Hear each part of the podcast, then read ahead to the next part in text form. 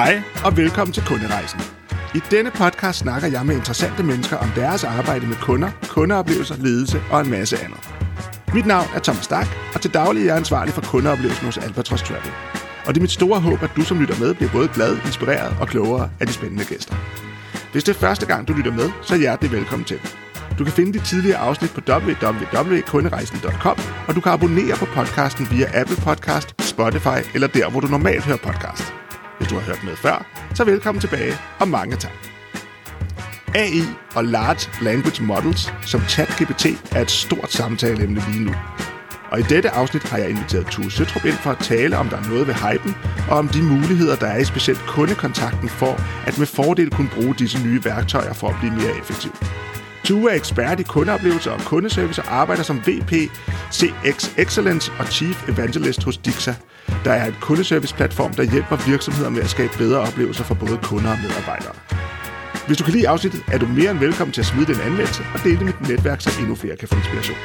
Mange tak, og here goes.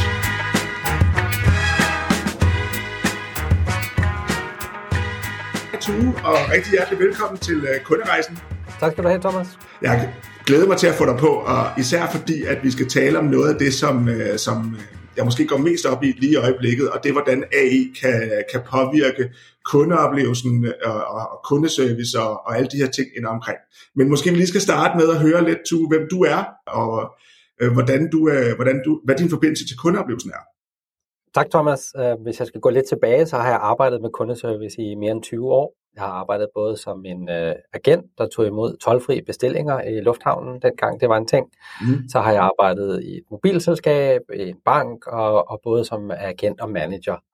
Um, senest har jeg arbejdet for Saxo.com, og hjulpet dem med at skabe gode kundeoplevelser. Og det sidste 6,5 år har jeg været hos Dixa, hvor vi bygger en kundeserviceplatform, som tilbyder både telefon, chat, e-mail og sociale mediekanaler. Og meget af det, vi fokuserer på, er at hjælpe kunder med at skabe en bedre oplevelse for deres kunder, øh, ved hjælp af de best practices, vi ser hos andre kunder. Så en del af det, vi sælger, er vores software, men øh, en stor del af det, vi sælger, er også vores viden til, hvordan man bruger den software til at skabe gode oplevelser med. Cool.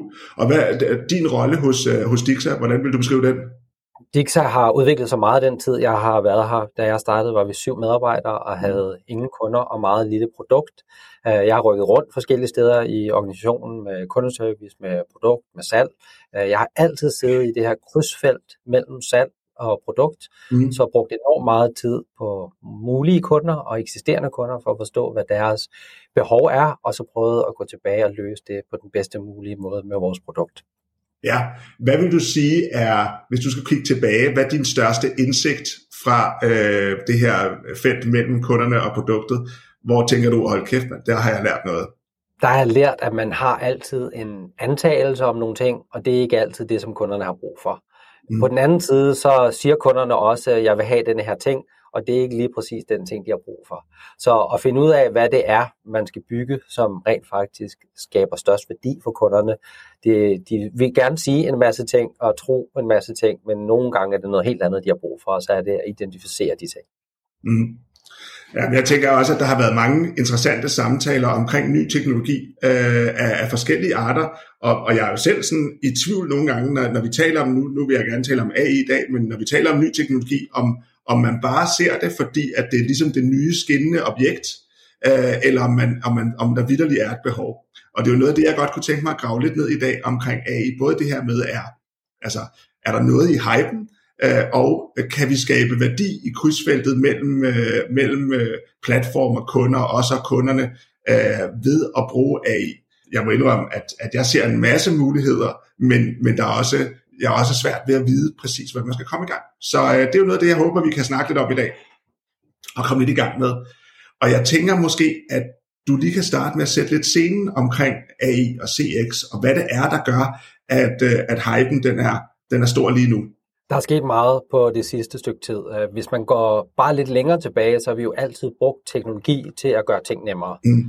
Vi har haft øh, help centers, hvor kunderne kunne finde svar selv. Vi har sat nogle øh, simple chatbots op, som øh, kunderne kunne bruge til at finde svar på spørgsmål. Nogle gange kunne, kunne det endda hjælpe lidt mere end bare at, at svare på spørgsmål.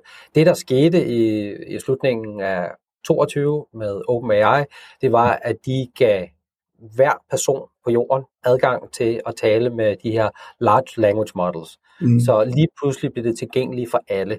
Og de her modeller har nu nået et niveau, hvor man som almindelig person kan stille den her model spørgsmål i almindelig øh, tekst, og så får man et svar tilbage, man kan bruge til noget.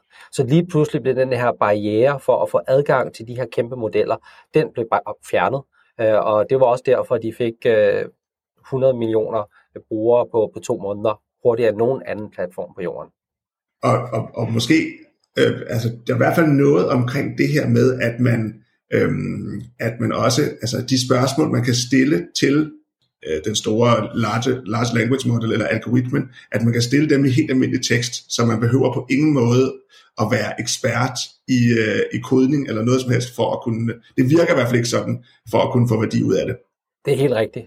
Det er meget nemt at stille spørgsmål på forskellige sprog, og så få et svar tilbage, som giver mening. Mm. Og kigger man på historisk set, når man har skulle bygge en chatbot, så har man skulle have en masse decision trees. Hvis du spørger om det her på den her måde, eller trykker på den her knap, så skal der ske det her. Og vi har haft algoritmer, hvor man har kigget på natural language understanding, natural language processing. Vi har haft artificial intelligence, machine learning, til at oversætte, hvad en kunde har sagt.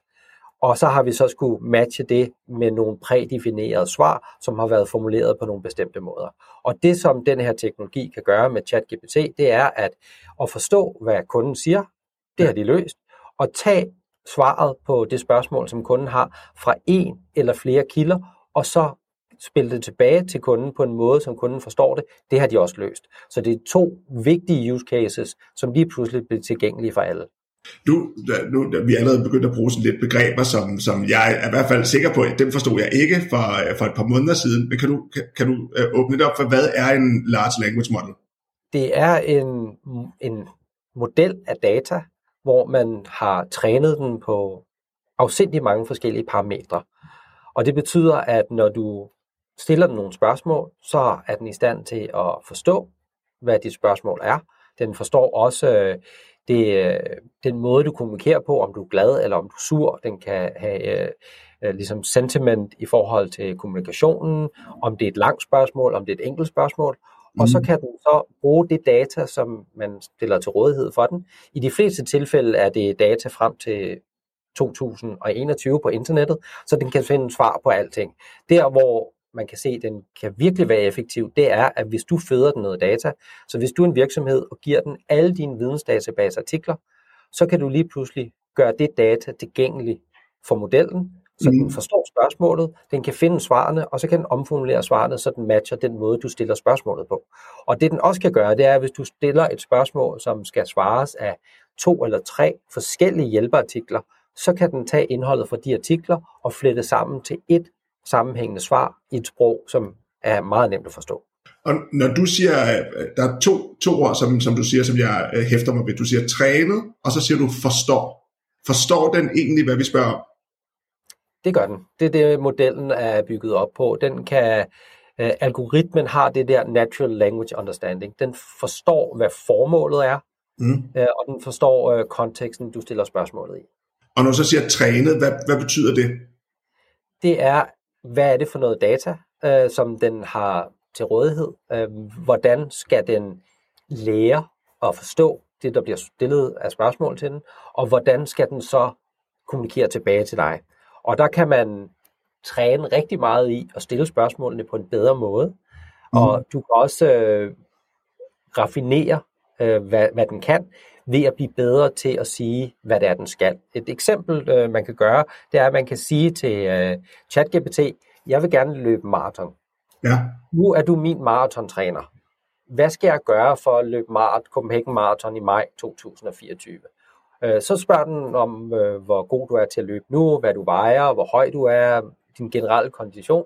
Og ud fra det, så bygger den en træningsplan for dig. Øh, og det kan den gøre, fordi den har en masse artikler fra internettet, hvor folk har skrevet om, hvad deres erfaring er med at løbe maraton, og så kan den øh, rent faktisk komme op med en træningsplan, som er målrettet dig ud fra den information, du har givet. Og at kunne gøre det er jo altså øh, en, en verden, der åbner sig. både for almindelige mennesker, men også hvis man har lyst til at bruge det professionelt. Lige pludselig får, kan man få adgang til en masse viden, en masse funktionalitet, som man ikke havde tidligere.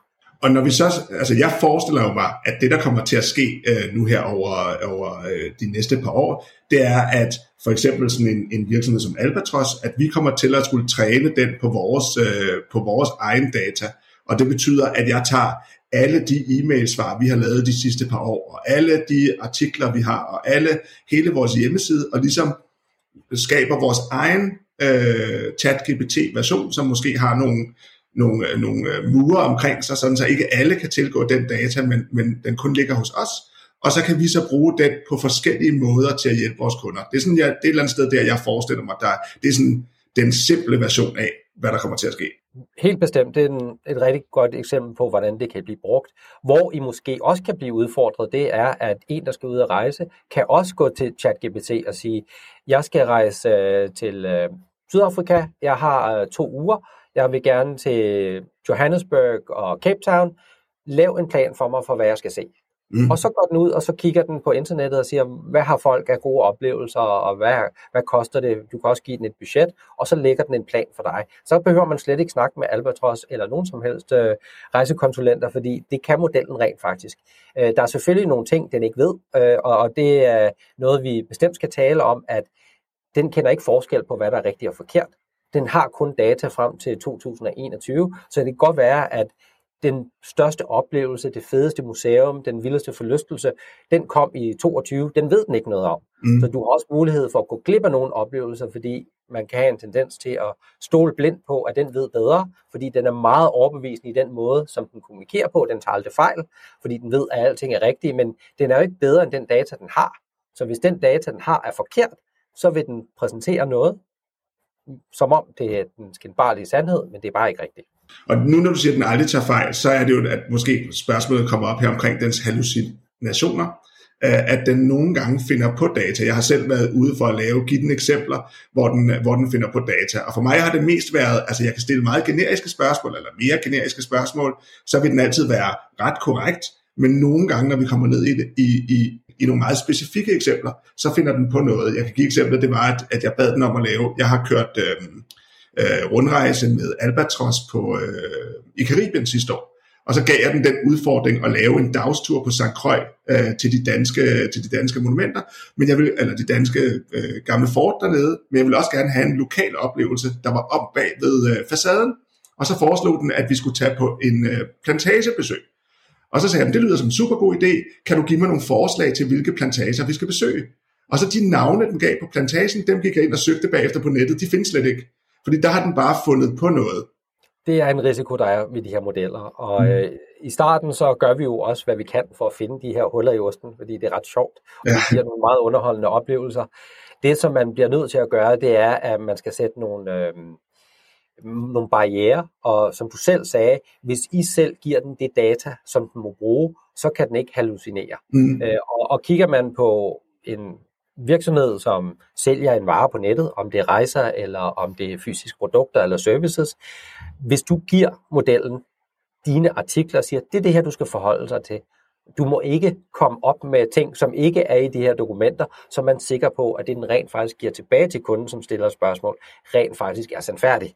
Fordi den finder ikke bare på, at der findes nogle plantager, der ikke eksisterer.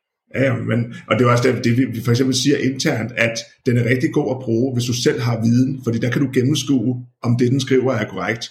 Og vi har jo en hel del folk herinde, som har meget høj viden om destinationer og historisk viden, og der, er, der, der, der nikker de anerkendende, når den laver, øh, når den laver historiske gennemgange, fordi at den er, den er typisk relativt god også til at finde detaljer, som er kendt af meget få, altså som ikke er gængse detaljer, som vil være med i en almindelig blog om, lad os sige, dronning Margrethe, eller hvad det nu kan være, som man, øh, som man spørger ind til. Så den er, den er rimelig dyb i viden.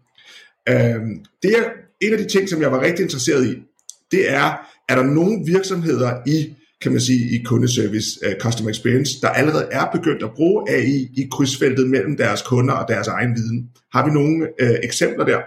Det er der. Der er mange steder, hvor vi ser det, øh, bliver brugt i øjeblikket, og, og der er også mange, der siger, at øh, de bruger det, og så kommer det lige om lidt, fordi ja. at der er et, øh, et hype train, som det er nødvendigt, man hopper på, fordi alle vil have det. Øh, og hvorfor øh, vil man gerne have det? Det er, at man vil gerne kunne gøre mere med mindre. Ja. Og rigtig mange øh, CX-ledere, de ser det her som en mulighed for at kunne reducere antallet af medarbejdere, fordi man kan automatisere nogle processer. Og det er også rigtigt. Øhm, der er nogle jobs øh, i den her branche, som vil forsvinde, men øhm, det vil ske gradvist over en periode, så man bliver ikke nødvendigvis øh, erstattet af ChatGPT, men man bliver erstattet af nogen, der bruger ChatGPT til at løse nogle af tingene. Ja. Og der, hvor modellerne kan være rigtig gode, det er ved at lave et øh, referat af en samtale, som er kortere end samtalen. Mm. Ganske ofte så får vi en øh, henvendelse sendt videre fra nogen, der har måske været en tråd med 3-4 beskeder frem og tilbage. Det tager lang tid for en medarbejder at sætte sig ind i det. Der kan man bruge modellen til at lave en opsummering af, hvad samtalen handlede om på 4-5 linjer. Så ved jeg, hvad den samtale drejede sig om, hvad var kundens problem, hvordan blev det løst. Øh, og det gør, at hvis jeg skal følge op på det, så den tid, det tager for mig at forstå, hvad samtalen handler om, bliver reduceret betydeligt. Og det gør det mere effektivt for mig. Vi har også øh, rigtig mange øh, eksempler, hvor man har haft en samtale med en chatbot. Lad os antage, at det ikke er den gode oplevelse, hvor den ikke løser problemet. Så bliver man stillet videre til en medarbejder, og ganske ofte, så still, siger medarbejderen, hej, hvad kan jeg hjælpe med? Ja. Og så har man en rigtig dårlig oplevelse, fordi jeg har lige brugt tid på at kommunikere med botten, og hvis der er noget, som skaber dårlige oplevelser, det er, at jeg skal gentage mig. Jeg gider ikke gentage information. Jeg har lige sagt til botten, hvad problemet var. Botten forstod det ikke, og nu skal jeg starte forfra og sige det til en ny person. Ja. Hvis den person har et referat af samtalen med botten, kan sige, jeg kan se, at øh, du har et problem med, at din ordre ikke er blevet leveret til tiden. Det er jeg ked af. Lad os se, om vi kan finde en løsning. Det er en meget bedre oplevelse. Jeg skal ikke gentage informationen, og det er også mere tilfredsstillende for medarbejderne. Så det er et øh, eksempel på, hvor man kan bruge den her teknologi til at gå ind og læse samtalen og, og komme med et svar. Et andet sted er... Bare, så, bare, to, bare som, øh, som øh, opfølging på det, du siger der, der jeg, jeg, jeg har set, at øh, man laver transkriberinger på øh, samtaler, og så laver de her øh, opsummeringer på selve samtalen. Så hvis du transkriberer den samtale, som øh, der har været med gæsten eller kunden øh, øh efter, efter det fakt, så kan en så gå ind og lave en, en summary af samtalen. Øh, og det vil jeg også sige var et relativt stærkt værktøj, som vi kan præsentere agenten, eller hvem du nu skal tale med næste gang, og sige, prøv at se her, her der er det, som øh, den her kunde, Thomas ringede ind i sidste uge, han talte om Sydafrika, her kan du se øh, i, i, på, på 3-4 linjer, hvad det handlede om. Helt bestemt. Øh, og, og det er et rigtig godt eksempel, som øh, der også er nogle virksomheder, som implementerer, at udover at lave et summary af den seneste samtale, eller den samtale, du kigger på lige nu, så at lave et samlet summary af alle kundens tidligere samtaler, mm. så du får et mere holistisk billede af, hvorfor er det, den her kunde kontakter os. Så lad os sige, der har været fem samtaler, så har du et summary af, hvad de samtaler øh, handler om, og så er du bedre i stand til at hjælpe kunden. Er det en, der er generelt glad, en generelt der er sur, øh, så kan man gøre det. Øh, andre steder, man kan bruge den her, det er at, at hjælpe medarbejderne til øh, at se sådan nogle ting som, hvad er spørgsmålet, hvad, hvad er problemstillingen. Det kan bruges til automatisk at øh, registrere en årsag for henvendelsen, mm. så medarbejderen ikke skal gøre det. Man kan måske ekstrakte et øh, bookingnummer, øh, et ticketnummer eller et øh, referencenummer på rejsen, så man ikke skal lede efter det. Det er automatisk indsat, og så kan man automatisk finde oplysninger om lige præcis den rejse, fordi det er en del af de informationer, der er blevet sendt. Vi ser meget på den her teknologi som endnu et værktøj ja. i vores værktøjkasse, som kan fjerne friktion, som kan fjerne de manuelle processer og gøre agenter til superagenter. Altså det er lidt ligesom at give dem et Iron suit, hvor de kan mere, de gør ting hurtigere. Vi mener ikke fra vores side, at øh, teknologien er der endnu, hvor den skal kommunikere direkte med kunder. Der er nogle tilfælde, øh, hvor øh, det kan give mening, men i mange tilfælde, så vil vi gerne have, at modellen kan komme op med et forslag til et svar. Mm. Men det skal lige forbi en medarbejder, som kan putte deres personlige touch på det, verificere, at det data, som øh, den er kommet ud med, rent faktisk er korrekt, og så trykke send vi, vi skal lige øh, vente lidt, før vi kan stole så meget på modellerne, at vi kan sende svarene direkte til kunderne. Ja, det var faktisk også min øh, refleksion på det her, fordi jeg har altid, øh, at øh, jeg har tænkt, at det var chat, det ligesom gik ud på, og der snyder navnet ChatGPT også en lille smule, men som, som use case internt hos mig, der ser jeg også e-mailen være det, være det, det centrale, øh, at den kan svare på e-mailen, og det er også det, der er mest tidskrævende hos os. Øh, øh, I højsæsonen, der kan vi nogle gange have mange dages svartid på, øh, på, øh, på e-mails, fordi vi får så mange, og, og hvis vi kan få hastigheden op ved, at den kan hjælpe medarbejderne med at formulere øh, dele af svaret, så de kun skal indsætte, kan man sige, og, og verificere, at de vigtige dele er rigtige, så vil det jo effektivisere os helt vildt, når vi har, øh, når vi har, når vi har mange e-mails liggende. Det er et rigtig godt eksempel, og der er jo ikke noget til hindring for, at vi bruger den samme teknologi, som man bruger i en chatbot mm. på en e-mail. Mm. Der, der er vi i dag, fordi en kunde vil gå ind og skrive et spørgsmål til en chatbot, så bruger den artikler i en vidensdatabase til at komme med et svar. De gør det samme i en e-mail, og det mm. kan være lidt i forhold til, hvilken aldersgruppe de, de er i, hvordan de foretrækker at kommunikere. De vil sende en mail, der kan man sagtens bruge den samme model til at forstå, hvad er kundens spørgsmål. Så kan man gå ind, og så kan man kigge på øh, vidensdatabaser, man kan kigge på artikler, øh, som kan svare på det, og man kan også kigge på de auto-replies, man nu vil have. Øh, og der kan man gøre to ting. Man kan bruge modellen til at forstå, hvad er det, kunden har brug for hjælp med. Mm. Og så kan man matche det med et eksisterende svar. Man kan også tage det eksisterende svar, og så kan man opdatere formuleringen i det, ud fra hvordan kunden kommunikerer. Så hvis det er en meget sur kunde, så tilpasser man svaret, så det matcher kunden, så er man meget mere undskyldende i sit svar. Det kan være, at kunden skriver en, et langt svar, jamen så får du et længere svar. Øh, og, der, og der kan de her modeller rent faktisk være rigtig gode til at, at matche kunden. Og vi har set nogle eksempler, at øh, en partner, vi arbejdede med, de identificerede, hvad drejer henvendelsen om, og så gav de et standard svar tilbage. Det var bare et auto-reply. Hvor er min ordre? Jamen, så er det det her auto-reply. Ja. Så puttede chat-GPT ind imellem, så vi havde spørgsmålet fra kunden, ja. så havde vi svaret, og så opdaterede vi svaret, inden vi sendte det, på baggrund af den måde, kunden kommunikerede på.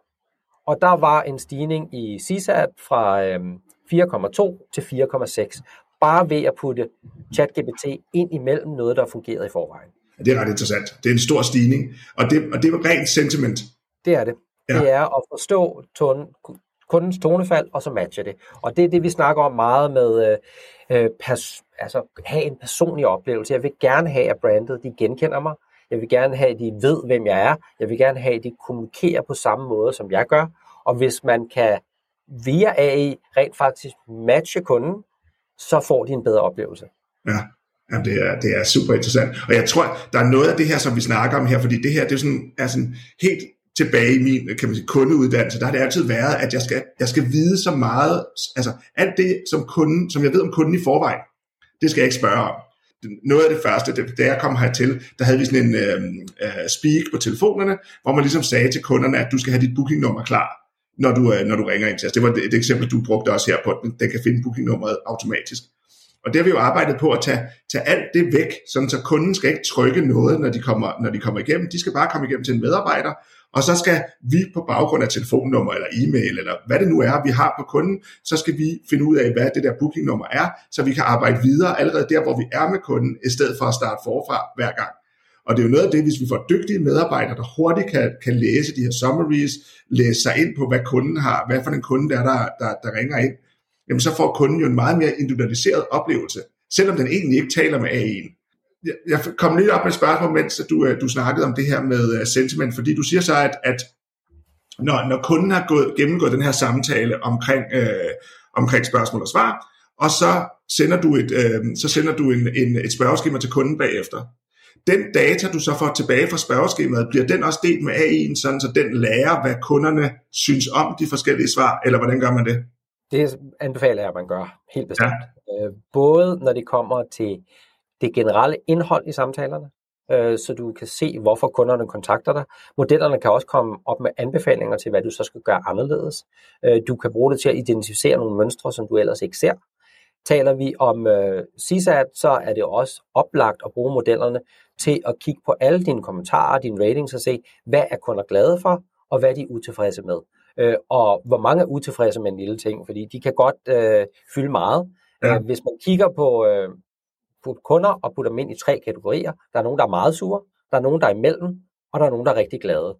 Der har man en tendens til at fokusere på dem, som er meget sure. Men der, hvor man rent faktisk har den største mulighed for at have et positivt effekt på, vor, på ens virksomhed, det er at fokusere på dem, der er i midten.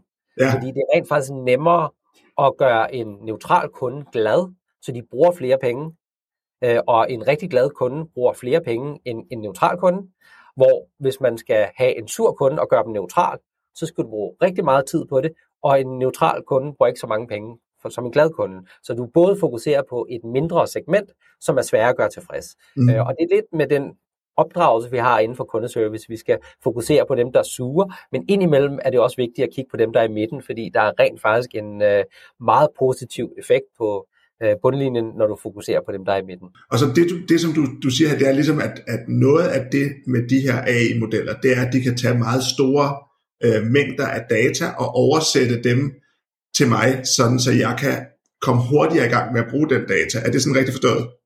Helt korrekt. Den ja. kan se nogle mønstre, som vil være meget tidskrævende for et menneske. Så man kan se, hvis man har en butik på nettet, der sælger varer, så kan man gå ind og se, hvad er top 10 henvendelserne. Mm. Lad os sige, det er, hvornår kommer min vare, eller hvornår kommer min ordre. Så kan man øh, kigge på, jamen, hvilken leverandør har de her øh, forsendelser. Om det er så den her leverandør, så kan vi se, at ud af alle vores henvendelser, jamen så er 7% det er vedrørende forsinkelser præcis på den her pågældende leverandør.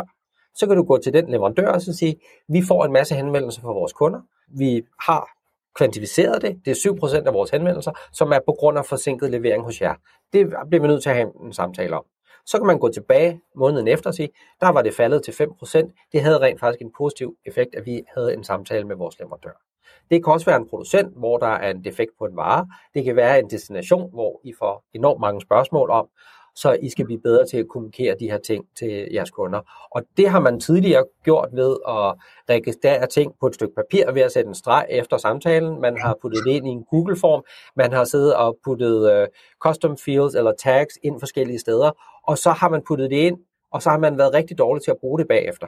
Uh, vi er alt sammen tror jeg, skyldige i at samle store mængder data ind, som vi ikke har brugt til noget som helst.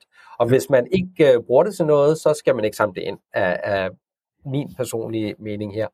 Det, der så lige pludselig er blevet muligt, det er, at jeg kan samle alt det her data ind, og jeg behøver ikke have nogen, der er uddannet i machine learning eller brugen af BI-tools til at forstå, hvad data rent faktisk handler om. Jeg kan føde alt det her data til en model, som i løbet af sekunder kan fortælle mig, hvad henvendelserne drejer sig om.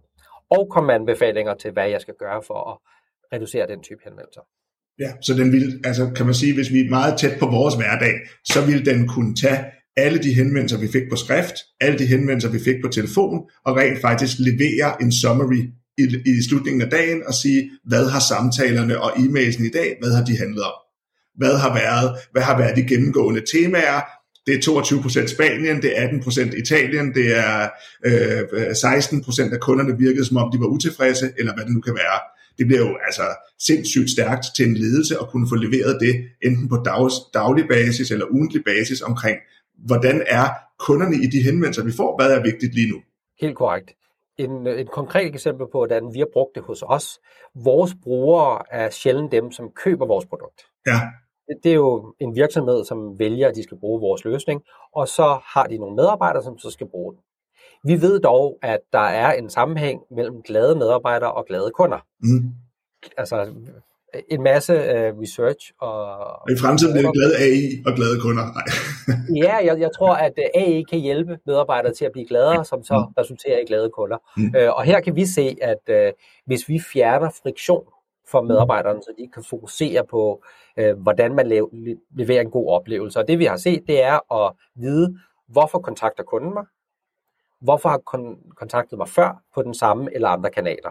Og her kan vi bruge AI til at identificere, hvad drejer den her henvendelse om. Vi kan have et summary af tidligere samtaler, så jeg ved, hvorfor kunden kontaktede mig. Så har jeg brug for at vide, hvem kunden er. Der vil vi gerne hente informationer fra andre kilder. Det kan være et backend-system, det kan være et ordresystem, men jeg vil gerne vide, hvilket segment er de i, hvad var deres sidste rejsemål, hvor mange penge har de brugt, hvor mange rejser har de købt. Det gør, at jeg kan levere en mere personlig oplevelse. Og det sidste, det er, hvordan løser jeg kundens problem? Mm. Øh, og der kan man igen bruge AI til at identificere, at det er det her spørgsmål, så skal du bruge den her artikel til at løse kundens problem. Så når jeg ved, hvorfor kunden kontakter mig, hvem kunden er, og hvordan jeg løser kundens problem, så kan jeg fokusere på at levere den gode oplevelse. Ja, det, det er super interessant. Noget af det, som vi har snakket om internt hos os, det er jo så, at, at jeg tænker nemlig også, at AI kan hjælpe med at, at svare på nogle af de her mere generelle spørgsmål, men så kan også hjælpe sådan så, at øh, når, når de rigtige spørgsmål kommer, så i stedet for at bruge AI'ens svar, så simpelthen ringe ud til kunderne og interagere mere, øh, fordi der vil være mere tid til at lave personlig værdiskabende interaktion, når vi ikke skal svare på alle mulige administrative små, små ting, som øh, altså, i, i dur med, hvornår har I åbent? Det er ikke det, de spørger om, men, men, men som har sådan mere en firkantet, øh, som er et mere firkantet svar. Og, og det tror jeg også bliver vigtigt i fremtiden, fordi hvornår, altså jo mere AI der vil være, jo, jo mere vil vi jo også alle sammen godt vide, at vi har fået et svar fra en AI og ikke føle, at virksomheden har interageret med os på samme måde ved for eksempel et skriftligt svar, end man vil gøre, hvis der en, der ringer. Så kan vi så sige, at der vil måske være en AI, der kan ringe i fremtiden også, men, men jeg tror alligevel, man vil føle en højere emotionel forbindelse med virksomheder, der er gode til at tage personlig kontakt. Helt bestemt, og der rører du ved noget, som er ret vigtigt. Vi ser generelt, at der er et skift i kundeservice til, at man holder op med at se det som et kostcenter, men et værdiskabende center.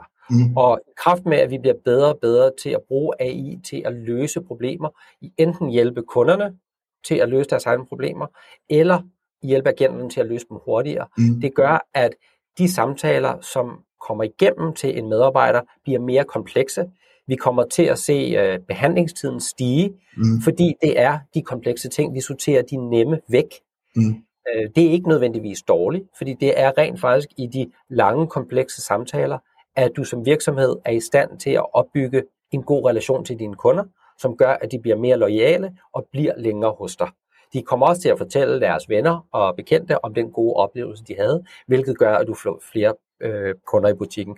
Og vi har set en del af vores øh, kunder, som har abonnementservices, de kan simpelthen se, at hvis de sammenligner kunder, som har snakket med kundeservice, og kunder, som ikke har snakket med kundeservice, dem, der har været i kontakt med kundeservice, de køber mere og bliver længere hos dem. Ja.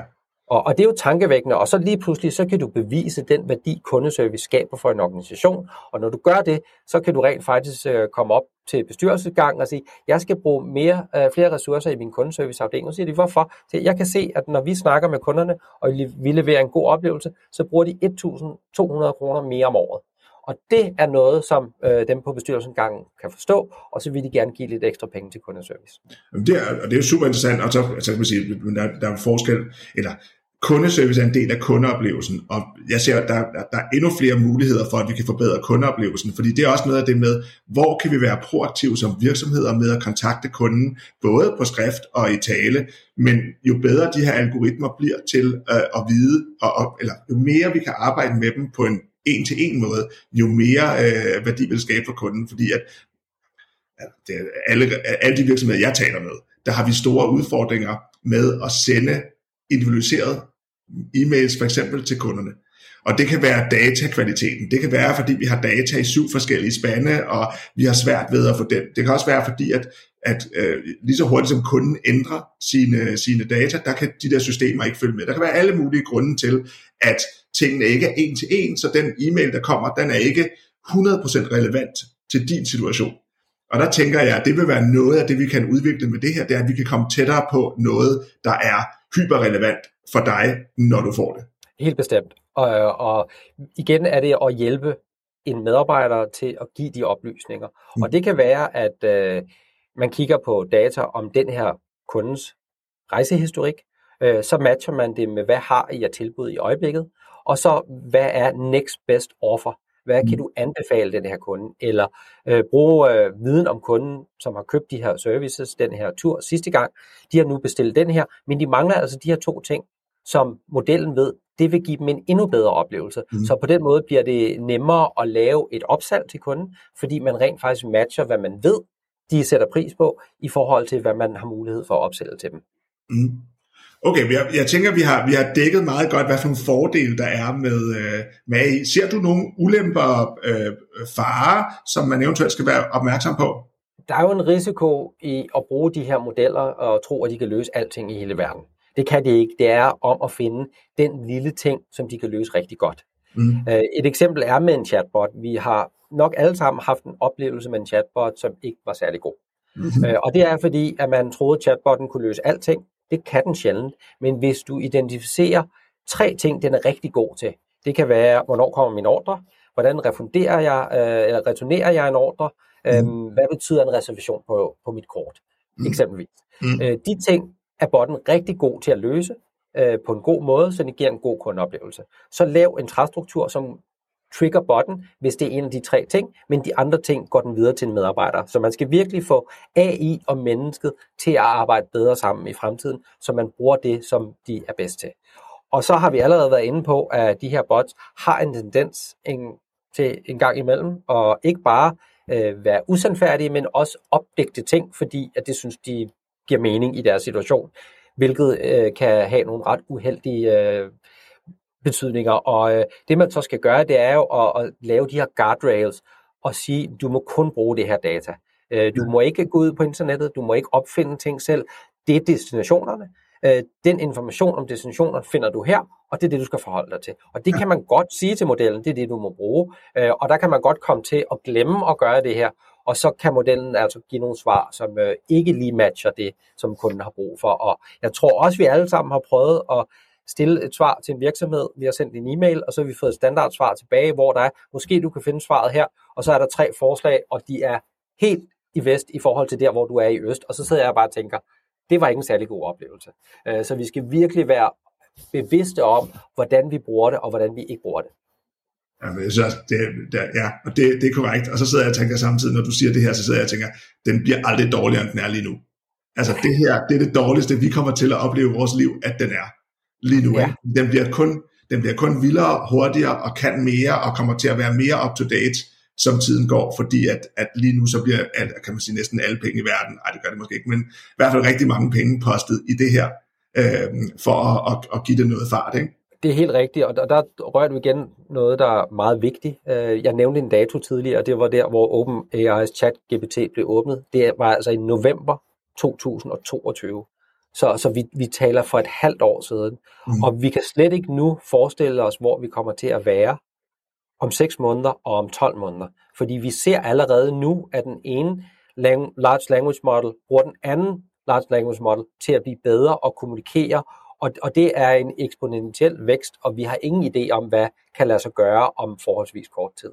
Det er spændende at være en del af det, øh, og øh, det giver en masse muligheder, øh, og man skal selvfølgelig være, være bekymret om nogle ting, men man skal også se det her som et værktøj, som man kan bruge til at blive mere effektiv.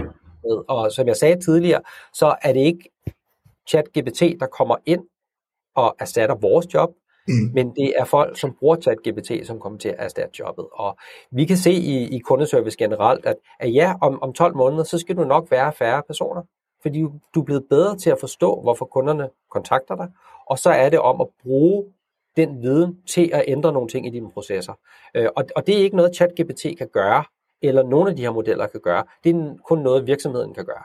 Hvis I har et problem på en af jeres destinationer, så er det jo jer, der skal have en samtale med, hvad er det, der forårsager den her dårlige oplevelse? Hvad skal vi gøre for at gøre noget andet? I skal tage handling på, på de her ting. Det kan modellen ikke. Den kan give dig noget vejledning til at gøre det, men den er afhængig af, at I rent faktisk gør noget.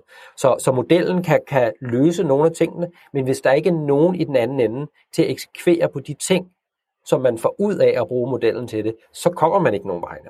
Øh, og så er det at blive bedre og bedre til at handle på de ting, som man lærer. Men, men det er stadigvæk så, så virker det på mig som om, at i hvert fald i mit job, at jeg kommer til at bruge mere tid på at skabe værdi oven på data, i stedet for at bruge min tid på at prøve at fremskaffe data. Uh, I hvert fald hvis jeg kigger sådan historisk, ikke? for det har taget mig enormt meget tid at skulle prøve at få ting frem ud af systemet og gøre det mere effektivt, og det er vi altså det har vi udviklet os helt vildt meget på de seneste par år, men jeg tænker bare, at det her det er sådan et, det er et turbostik, der kommer ind i den her, og, og kommer til at ændre den måde, vi interagerer med viden og, og data på, og på måder, som vi slet ikke kan forestille os. Jeg, jeg hørte en amerikansk øh, kommentator på det her, han sagde, at, at da du fik en smartphone i telefonen, eller i hånden første gang, sådan en iPhone, hvor den ikke havde App Store, og øh, den, den, den ikke kunne det helt store, og man tænkte, okay, øh, fedt nok, vi deler kattevideoer med hinanden, og, og, og, og og det er åndssvage ting, ikke? og så bliver sådan noget teknologi, og så kan vi synes om Uber, hvad vi vil, men teknologi som Uber kunne vi slet ikke forestille os på det tidspunkt, fordi det kræver, at alle mennesker i verden har en smartphone i lommen, og at taxachaufføren har en smartphone, men lige pludselig, så skabes der noget, øh, en mulighed, et rum for noget teknologi, som fuldstændig øhm, kan, kan, kan ændre den måde, vi interagerer med verden på, på, øh, på et fundamentalt, fundamental måde. Og det kunne vi ikke se nu, og jeg tænker, at vi er på det samme med det her øh, af, at det kommer til at ændre nogle ting, men vi har slet ikke fantasi til at se, hvordan det kommer til at gøre det om nogle år øh, lige nu. Helt enig. Det er, det er skræmmende og interessant på samme tid. Ja. Men det er meget øh, tilbage til det, vi startede om at snakke med. Lige pludselig bliver det tilgængeligt. Og mm. det gør, at du kan tale med data. Du har samlet en masse registreringer om, hvor, hvad jeres henvendelser er, men det er enormt tidskrævende og kompliceret at forstå, hvad data handler om.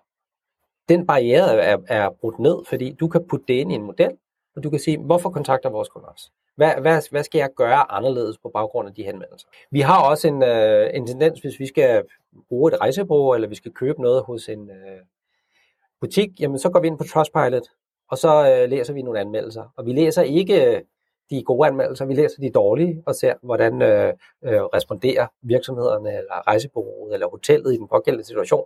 Her kan vi rent faktisk gå ind, og så kan vi tage linket til Trustpilot, vi kan putte det ind i ChatGPT, og så kan vi sige, fortæl mig, hvad, hvad kunderne synes om den her butik. Mm. Og så kommer der en summary af tusindvis af anmeldelser. Øhm, jeg har hørt, at øh, Amazon var i gang med at overveje at gøre det samme, øh, lave et summary af alle anmeldelser af forskellige produkter som en service, så i stedet ja. for at du går ind og læser øh, hver enkelt anmeldelse og, og tager din, din ligesom egen fortolkning, så brugte de en GPT-model til at læse alle anmeldelser af et produkt, og så var der en AI-genereret summary af anmeldelser af produktet. Vi kan både gøre det som almindelige mennesker, øh, og, og virksomheder kan implementere det der. Mm. Jamen, det er, det, er, det er sindssygt interessant, fordi jeg kan, så kan jeg give, det er at give kunden adgang til store mængder data, øh, men i kondenseret form, sådan så de hurtigt kan tage det til sig. Øh, super interessant. Hvis vi vender blikket lidt mod intern implementering, fordi nu, nu når vi snakker lidt igennem, hvad nogle af mulighederne kunne være, nogle af dem vi kan se foran os, som, som virker som, som jeg ved ikke om det virker lige til, men som virker som noget i hvert fald, som kan skabe værdi for rigtig mange. Men det må også være en, det er jo en kæmpe øh, forandring internt i vores virksomheder. Øh, hvordan, hvordan har I arbejdet med, øh, med den her forandring hos jer? Et eksempel, som jeg um, forsøgte at komme ind på tidligere, men uh, så gik vi ned af et andet meget spændende spor, det var det her med at spørge vores brugere om, hvad de synes om platformen. Ja. Uh, vi havde en, en lille survey ind i produktet, um, og spurgte dem, om de følte, at vores produkt gjorde det let for dem at hjælpe kunder. Mm. Og så kunne de uh, uh, svare, eller komme med en opfølging. Hvis du kunne ændre én ting, hvad skulle det være? Øh, og, og der fik vi øh, tusindvis af kommentarer. Og der kunne vi sidde og kigge på hver enkelt linje og putte det ind i de forskellige kategorier. Men vi kunne også bare trykke på en knap ind i værktøjet, og så kom den med en summary om tusindvis af kommentarer. Hvad er det, der er de største udfordringer for vores brugere af vores produkt? Hvad er det, vi skal fokusere på at gøre bedre, så det gør det nemmere for dem at hjælpe kunder? Øh, og det er tilbage til det her med glade medarbejdere, leverer glade kunder. Så, så det er et, øh, et eksempel på, hvordan øh, man kan bruge det her. Et andet sted, vi, øh, vi kigger på, det er at se på en medarbejder, hvad er det, de gør i løbet af en hverdag? Jamen det er at forstå, hvad en samtale handler om. Så kommer der en samtale ind, så vil vi gerne fortælle lidt om, øh, hvad er intent, hvad er det for et emne, hvad er et forslag til et svar. Der er en øh, knap inde i vores løsning, så trykker man på den, så læser den kun spørgsmål, så kigger den i vidensdatabasen, så genererer den et svar ud fra den viden, som vi har gjort tilgængelig for den, som skal være offentlig tilgængelig viden, ikke mm. interne artikler. Så, så kun offentlig tilgængelig viden, øhm, som man stiller til rådighed for den, så bygger den et svar tilbage til kunden. Og så kan man som medarbejder læse det igennem og sige, det er faktisk et ret godt svar. Jeg kunne faktisk ikke rigtig have gjort det bedre selv. Så kan man lige putte lidt af sig selv ind i det og trykke send, og så har man været meget mere effektiv og hurtig i at gøre det. Man kan trykke på en knap, så kan man give øh, 3-4 prompts, nogle keywords, og så genererer den en tekst. Du kan markere en tekst og sige, kan du lave den her tekst lidt længere? Mm. Kan du ændre tonen en lille smule? Kan du oversætte det her fra øh, øh, tysk til engelsk? Øh, så kan jeg rent faktisk øh, have et kontaktcenter, som sidder et sted og understøtter min virksomhed i fem forskellige lande. Men medarbejderen taler ikke de sprog, men jeg kan bruge den her teknologi til at oversætte de indkommende beskeder. Jeg kan skrive et svar, og så kan jeg sende øh, et svar tilbage i kundens eget sprog, men på øh, i en kvalitet, som gør, at de forstår, hvad det er, jeg mener.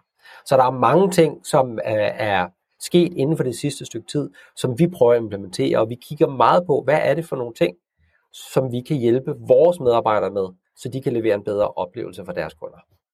Jeg tænker, der er, en, en, der er både en, altså måske en, en ny mulighed for medarbejderne i at, at, at forstå og blive dygtige til AI, og der er også en, en, en ved, ved enhver forandring, så vil der jo være noget træhed og noget modstand og noget, øh, nogen, der ikke forstår, og, og måske også nogen, der er nervøse ved, hvad, hvad kommer det her til at betyde. Så, så der må være noget, der er både noget med, hvordan får vi folk til at forstå og, og få bredt viden ud om, hvad det er for noget, samtidig med at, at arbejde med folks øh, følelsesregister omkring det? Både og. Øh, jeg ser meget af det her som værende usynligt. Mm. Og, og her tænker jeg både for en medarbejder og for en kunde. Hvis vi starter med kunden, jeg går ind på en hjemmeside, det kan være et rejsebureau, det kan være en butik, jeg har brug for hjælp til et spørgsmål.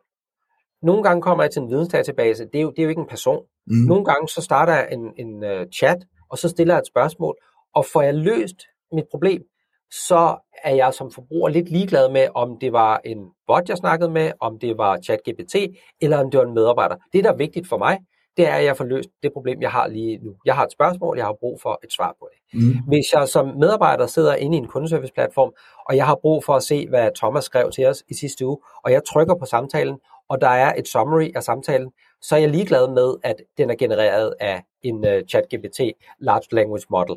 Det, mm. det betyder ikke noget for mig.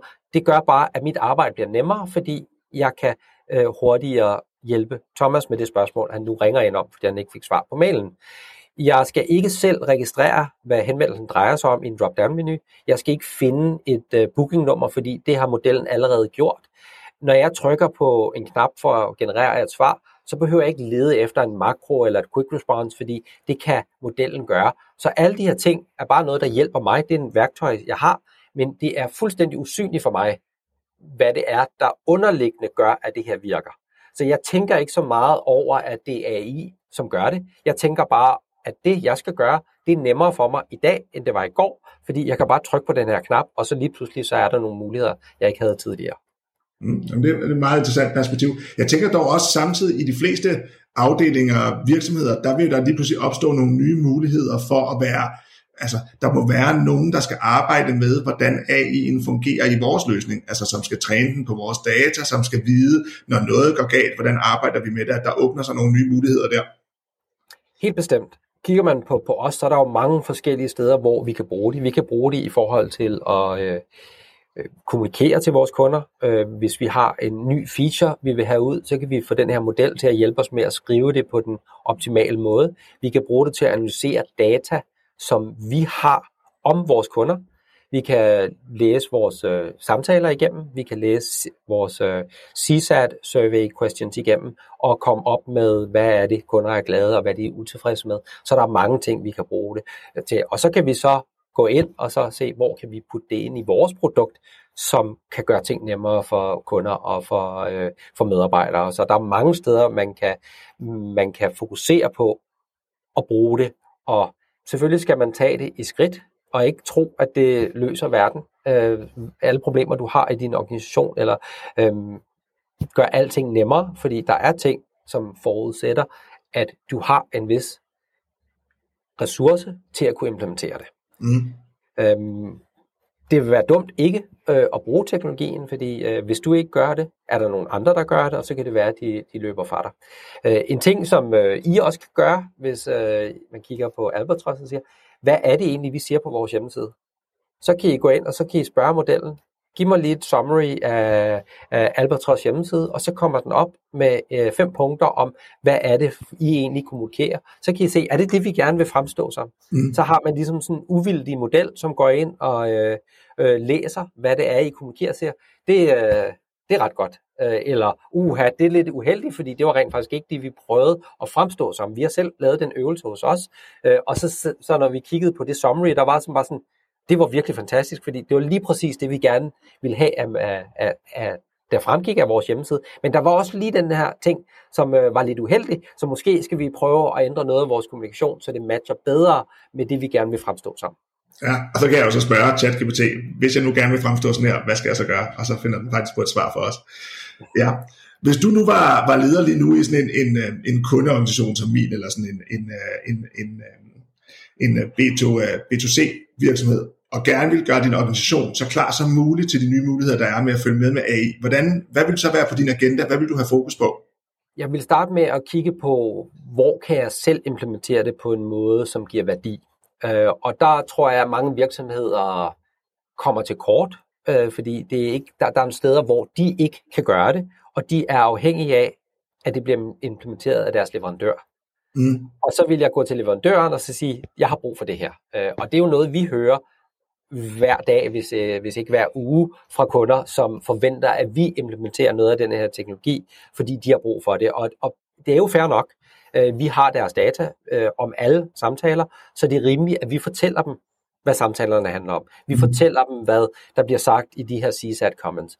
Øh, vi bruger teknologien til at kunne øh, bygge de rigtige svar op, som gør dem mere effektive. Fordi uanset hvordan du vender og drejer det, hvis du bruger en kundeservice-platform, så har du ikke kontrol over den platform. Du har kontrol over dine medarbejdere, som bruger platformen, og så må du gå ud til dine leverandører, om det er kundeserviceplatform, hvis det er marketingplatform, hvis det er hjemmesider, så sige, venner, I bliver altså nødt til at øh, implementere det her, fordi den her teknologi kan gøre mit arbejde nemmere, det kan give mig mere indsigt. Kom i gang. Jeg tænker nemlig, at, at det, den situation, som jeg tænker, mange står i, lige præcis det, som man, vi beskriver lidt her, at vi står selv i en situation, hvor man tænker, jamen, hvordan kommer jeg i gang?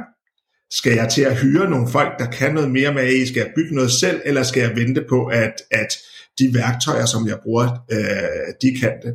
Og, og jeg tænker i hvert fald på, på, min egen, på, på min egen situation, der er jeg i hvert fald den strategi, jeg til at starte med vælger, det er, at jeg sætter tid af nu til at hver dag lære mig noget omkring de her modeller og de værktøjer, der findes omkring øh, de her modeller. Det kan være at prøve plugins til ChatGPT. Det kan være at prøve Midjourney, som er den her øh, AI, der skaber billeder, som måske ikke har den store værdi for os lige nu, men man har prøvet det, kende til det, have en, øh, en, bred, en, en bredere viden omkring det her, sådan så jeg kan tale med på et nogenlunde fornuftigt niveau når, øh, når jeg så senere skal tale med forskellige leverandører, der kan give os værktøjer til at forbedre vores, øh, vores interaktioner.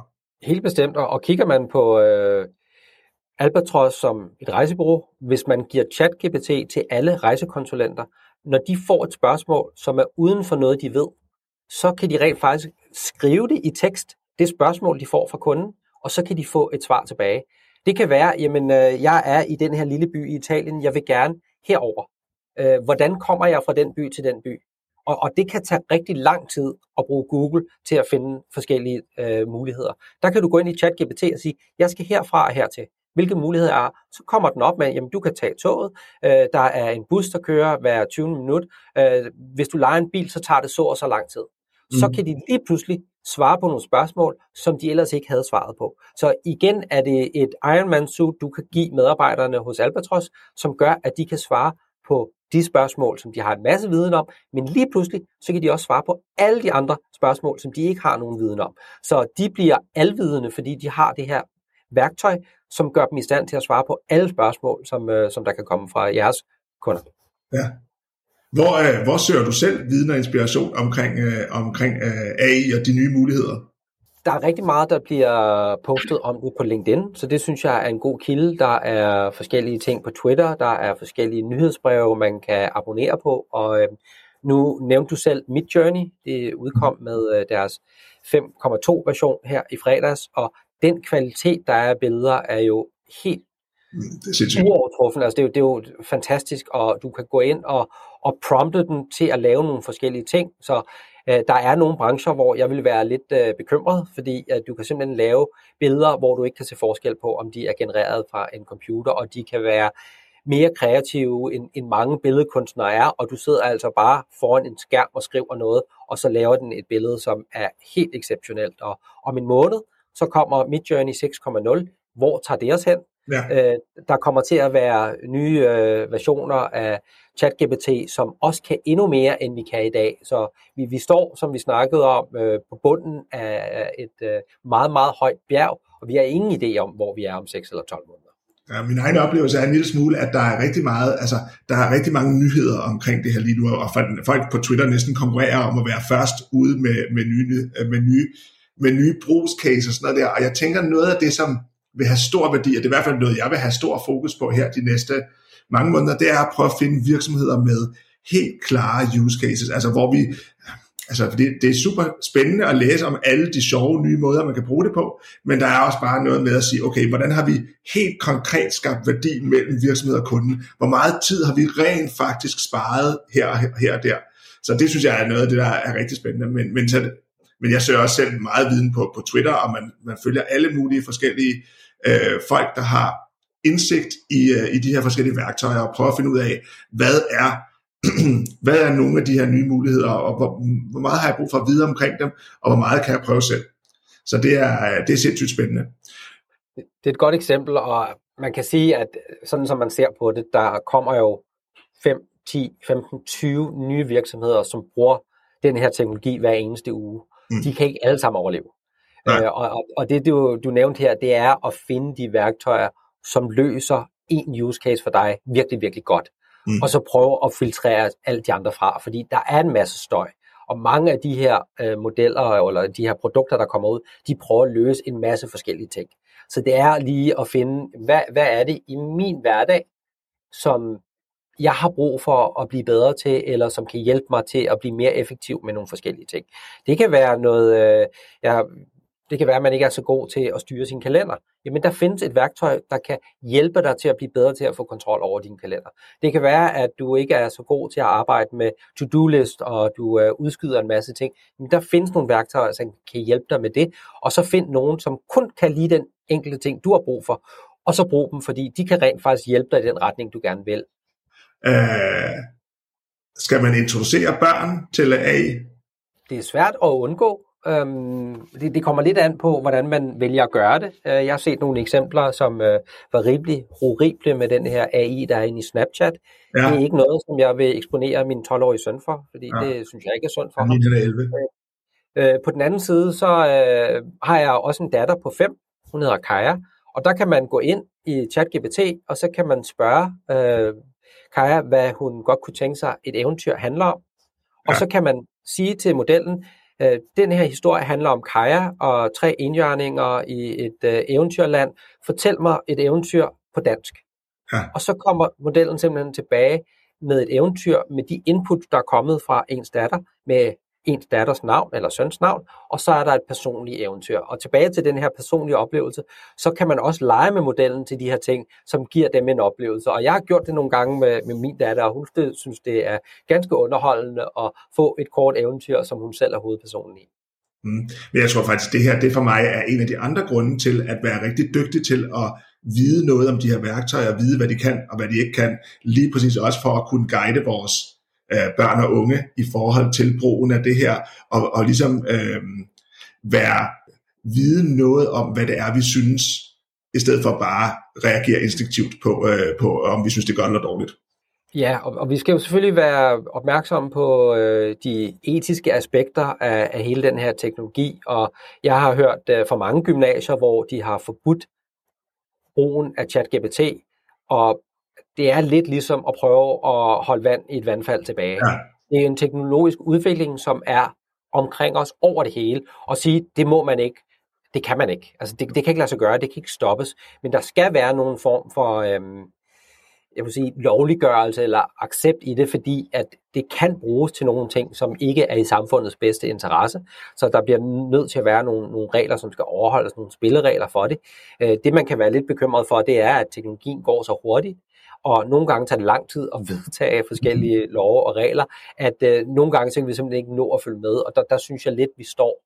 Øh, og der er også nogen, som øh, nogle få virksomheder, som laver de her produkter, som er drevet af penge. Ja. Øh, og øh, øh, de er lidt ligeglade med etikken i det, fordi når de sælger deres øh, service og deres produkt, så tjener de penge, og det bliver deres aktionærer glade for, og så er de lidt ligeglade, om de øh, overtræder, overtræder nogle etiske regler. Og det skal vi selvfølgelig være opmærksom på, hvordan vi øh, eksponerer det i forhold til vores børn. Øh, men hvis jeg skal skrive en stil i gymnasiet, og jeg har brug for noget hjælp og noget indsigt, om jeg går på Google og søger, eller om jeg bruger ChatGPT til at hjælpe mig med at lave en research, igen er det bare et værktøj, som kan hjælpe mig til at blive bedre, og du har stadig brug for en sund kildekritik, fordi nogle gange, hvis du bruger ChatGPT, så kan den altså komme op med noget komplet sludder. og hvis du putter det ind i din stil, så går det ud over den øh, karakter, du får. Øh, og det er også let, hvis du søger viden, og du kigger på et, en hjemmeside, som er en eller anden meget lang, mærkelig URL, og du tror, det der står er sandt og putter ind i din artikel, og det er noget sludder. Øhm, eller du bruger CNN eller BBC, som har meget mere styr på, øh, hvor kilderne kommer fra, så er det meget mere... Øh, troværdigt, det du rent faktisk kommer fra. Så det er jo ikke fordi, det er anderledes end det, vi gør i dag. Vi skal bare lære at arbejde med det, i stedet for at arbejde mod det. Ja, jeg tror også helt sikkert, det er, altså hvis der kommer medarbejdere og søger hos os om nogle år, som siger, nej, jeg har valgt ikke at bruge ChatGPT, så er det næsten ligesom at høre en person sige, nej, jeg har valgt ikke at bruge Google. Og det, det er svært at ansætte øh, personer, som ikke bruger de værktøjer, som, øh, som gør, at vi er mere effektive og, og alle de her ting. Så, men nu må vi se, vi må se, hvordan udviklingen øh, bliver. Det bliver spændende. Det er i hvert fald været spændende at snakke om, hvad, hvad kan man sige, nogle af de her basic use cases, som vi ser lige foran os nu, og det bliver, øh, det bliver utrolig spændende at se, hvordan virksomheder kan bruge den her nye teknologi til, øh, til stor effekt. Øh, uh, Tue, hvis man nu er interesseret i dig og gerne vil have fat på dig, hvordan gør man det nemmest? Man kan sende en uh, e-mail til mig. Det er tue, t u e d i x a.com. Øh, og ellers er jeg på LinkedIn, og jeg er også på Twitter. Um, og um, nogle spørgsmål til AI, eller vores produkt, eller noget som helst andet inden for kundeservice, så er alle velkommen til at række ud. Ja, og sindssygt stor tak til dig, fordi du var villig til at dele om, om de øh, erfaringer, I har gjort jer indtil videre. Det er øh, sindssygt spændende at følge med. Her til sidst, så spørger jeg jo alle mine gæster om, hvad er det bedste karrieremæssige råd, øh, man har fået? Det bedste karrieremæssige råd, jeg har fået, det var, at øh, jeg stod mellem jobs, og øh, jeg var øh, lidt usikker på, hvad jeg skulle lave. Øh, og der fik jeg øh, et råd, der var, at jeg skulle skrive det jobopslag, et fiktivt jobopslag på det job, jeg allerhelst vil have. Øh, og da jeg satte mig ned og, og fik skrevet det jobopslag, så var det meget nemmere at gå ud og finde det job, jeg gerne vil have, som matchede det fiktive jobopslag, jeg selv havde lavet. Øh, og det lykkedes mig at finde det job, øh, og der øh, havde jeg en, en rigtig god tid i den virksomhed. Så det var et virkelig godt råd, hvor øh, jeg fik meget mere retning på, hvad det er, jeg skulle. Ja, det er fedt. Meget konkret råd. Super sejt, Tu. Tu, tusind tak, fordi du vil være med. Tusind tak for, at du vil dele al din viden, og kan du have en rigtig god dag. Tak, Thomas.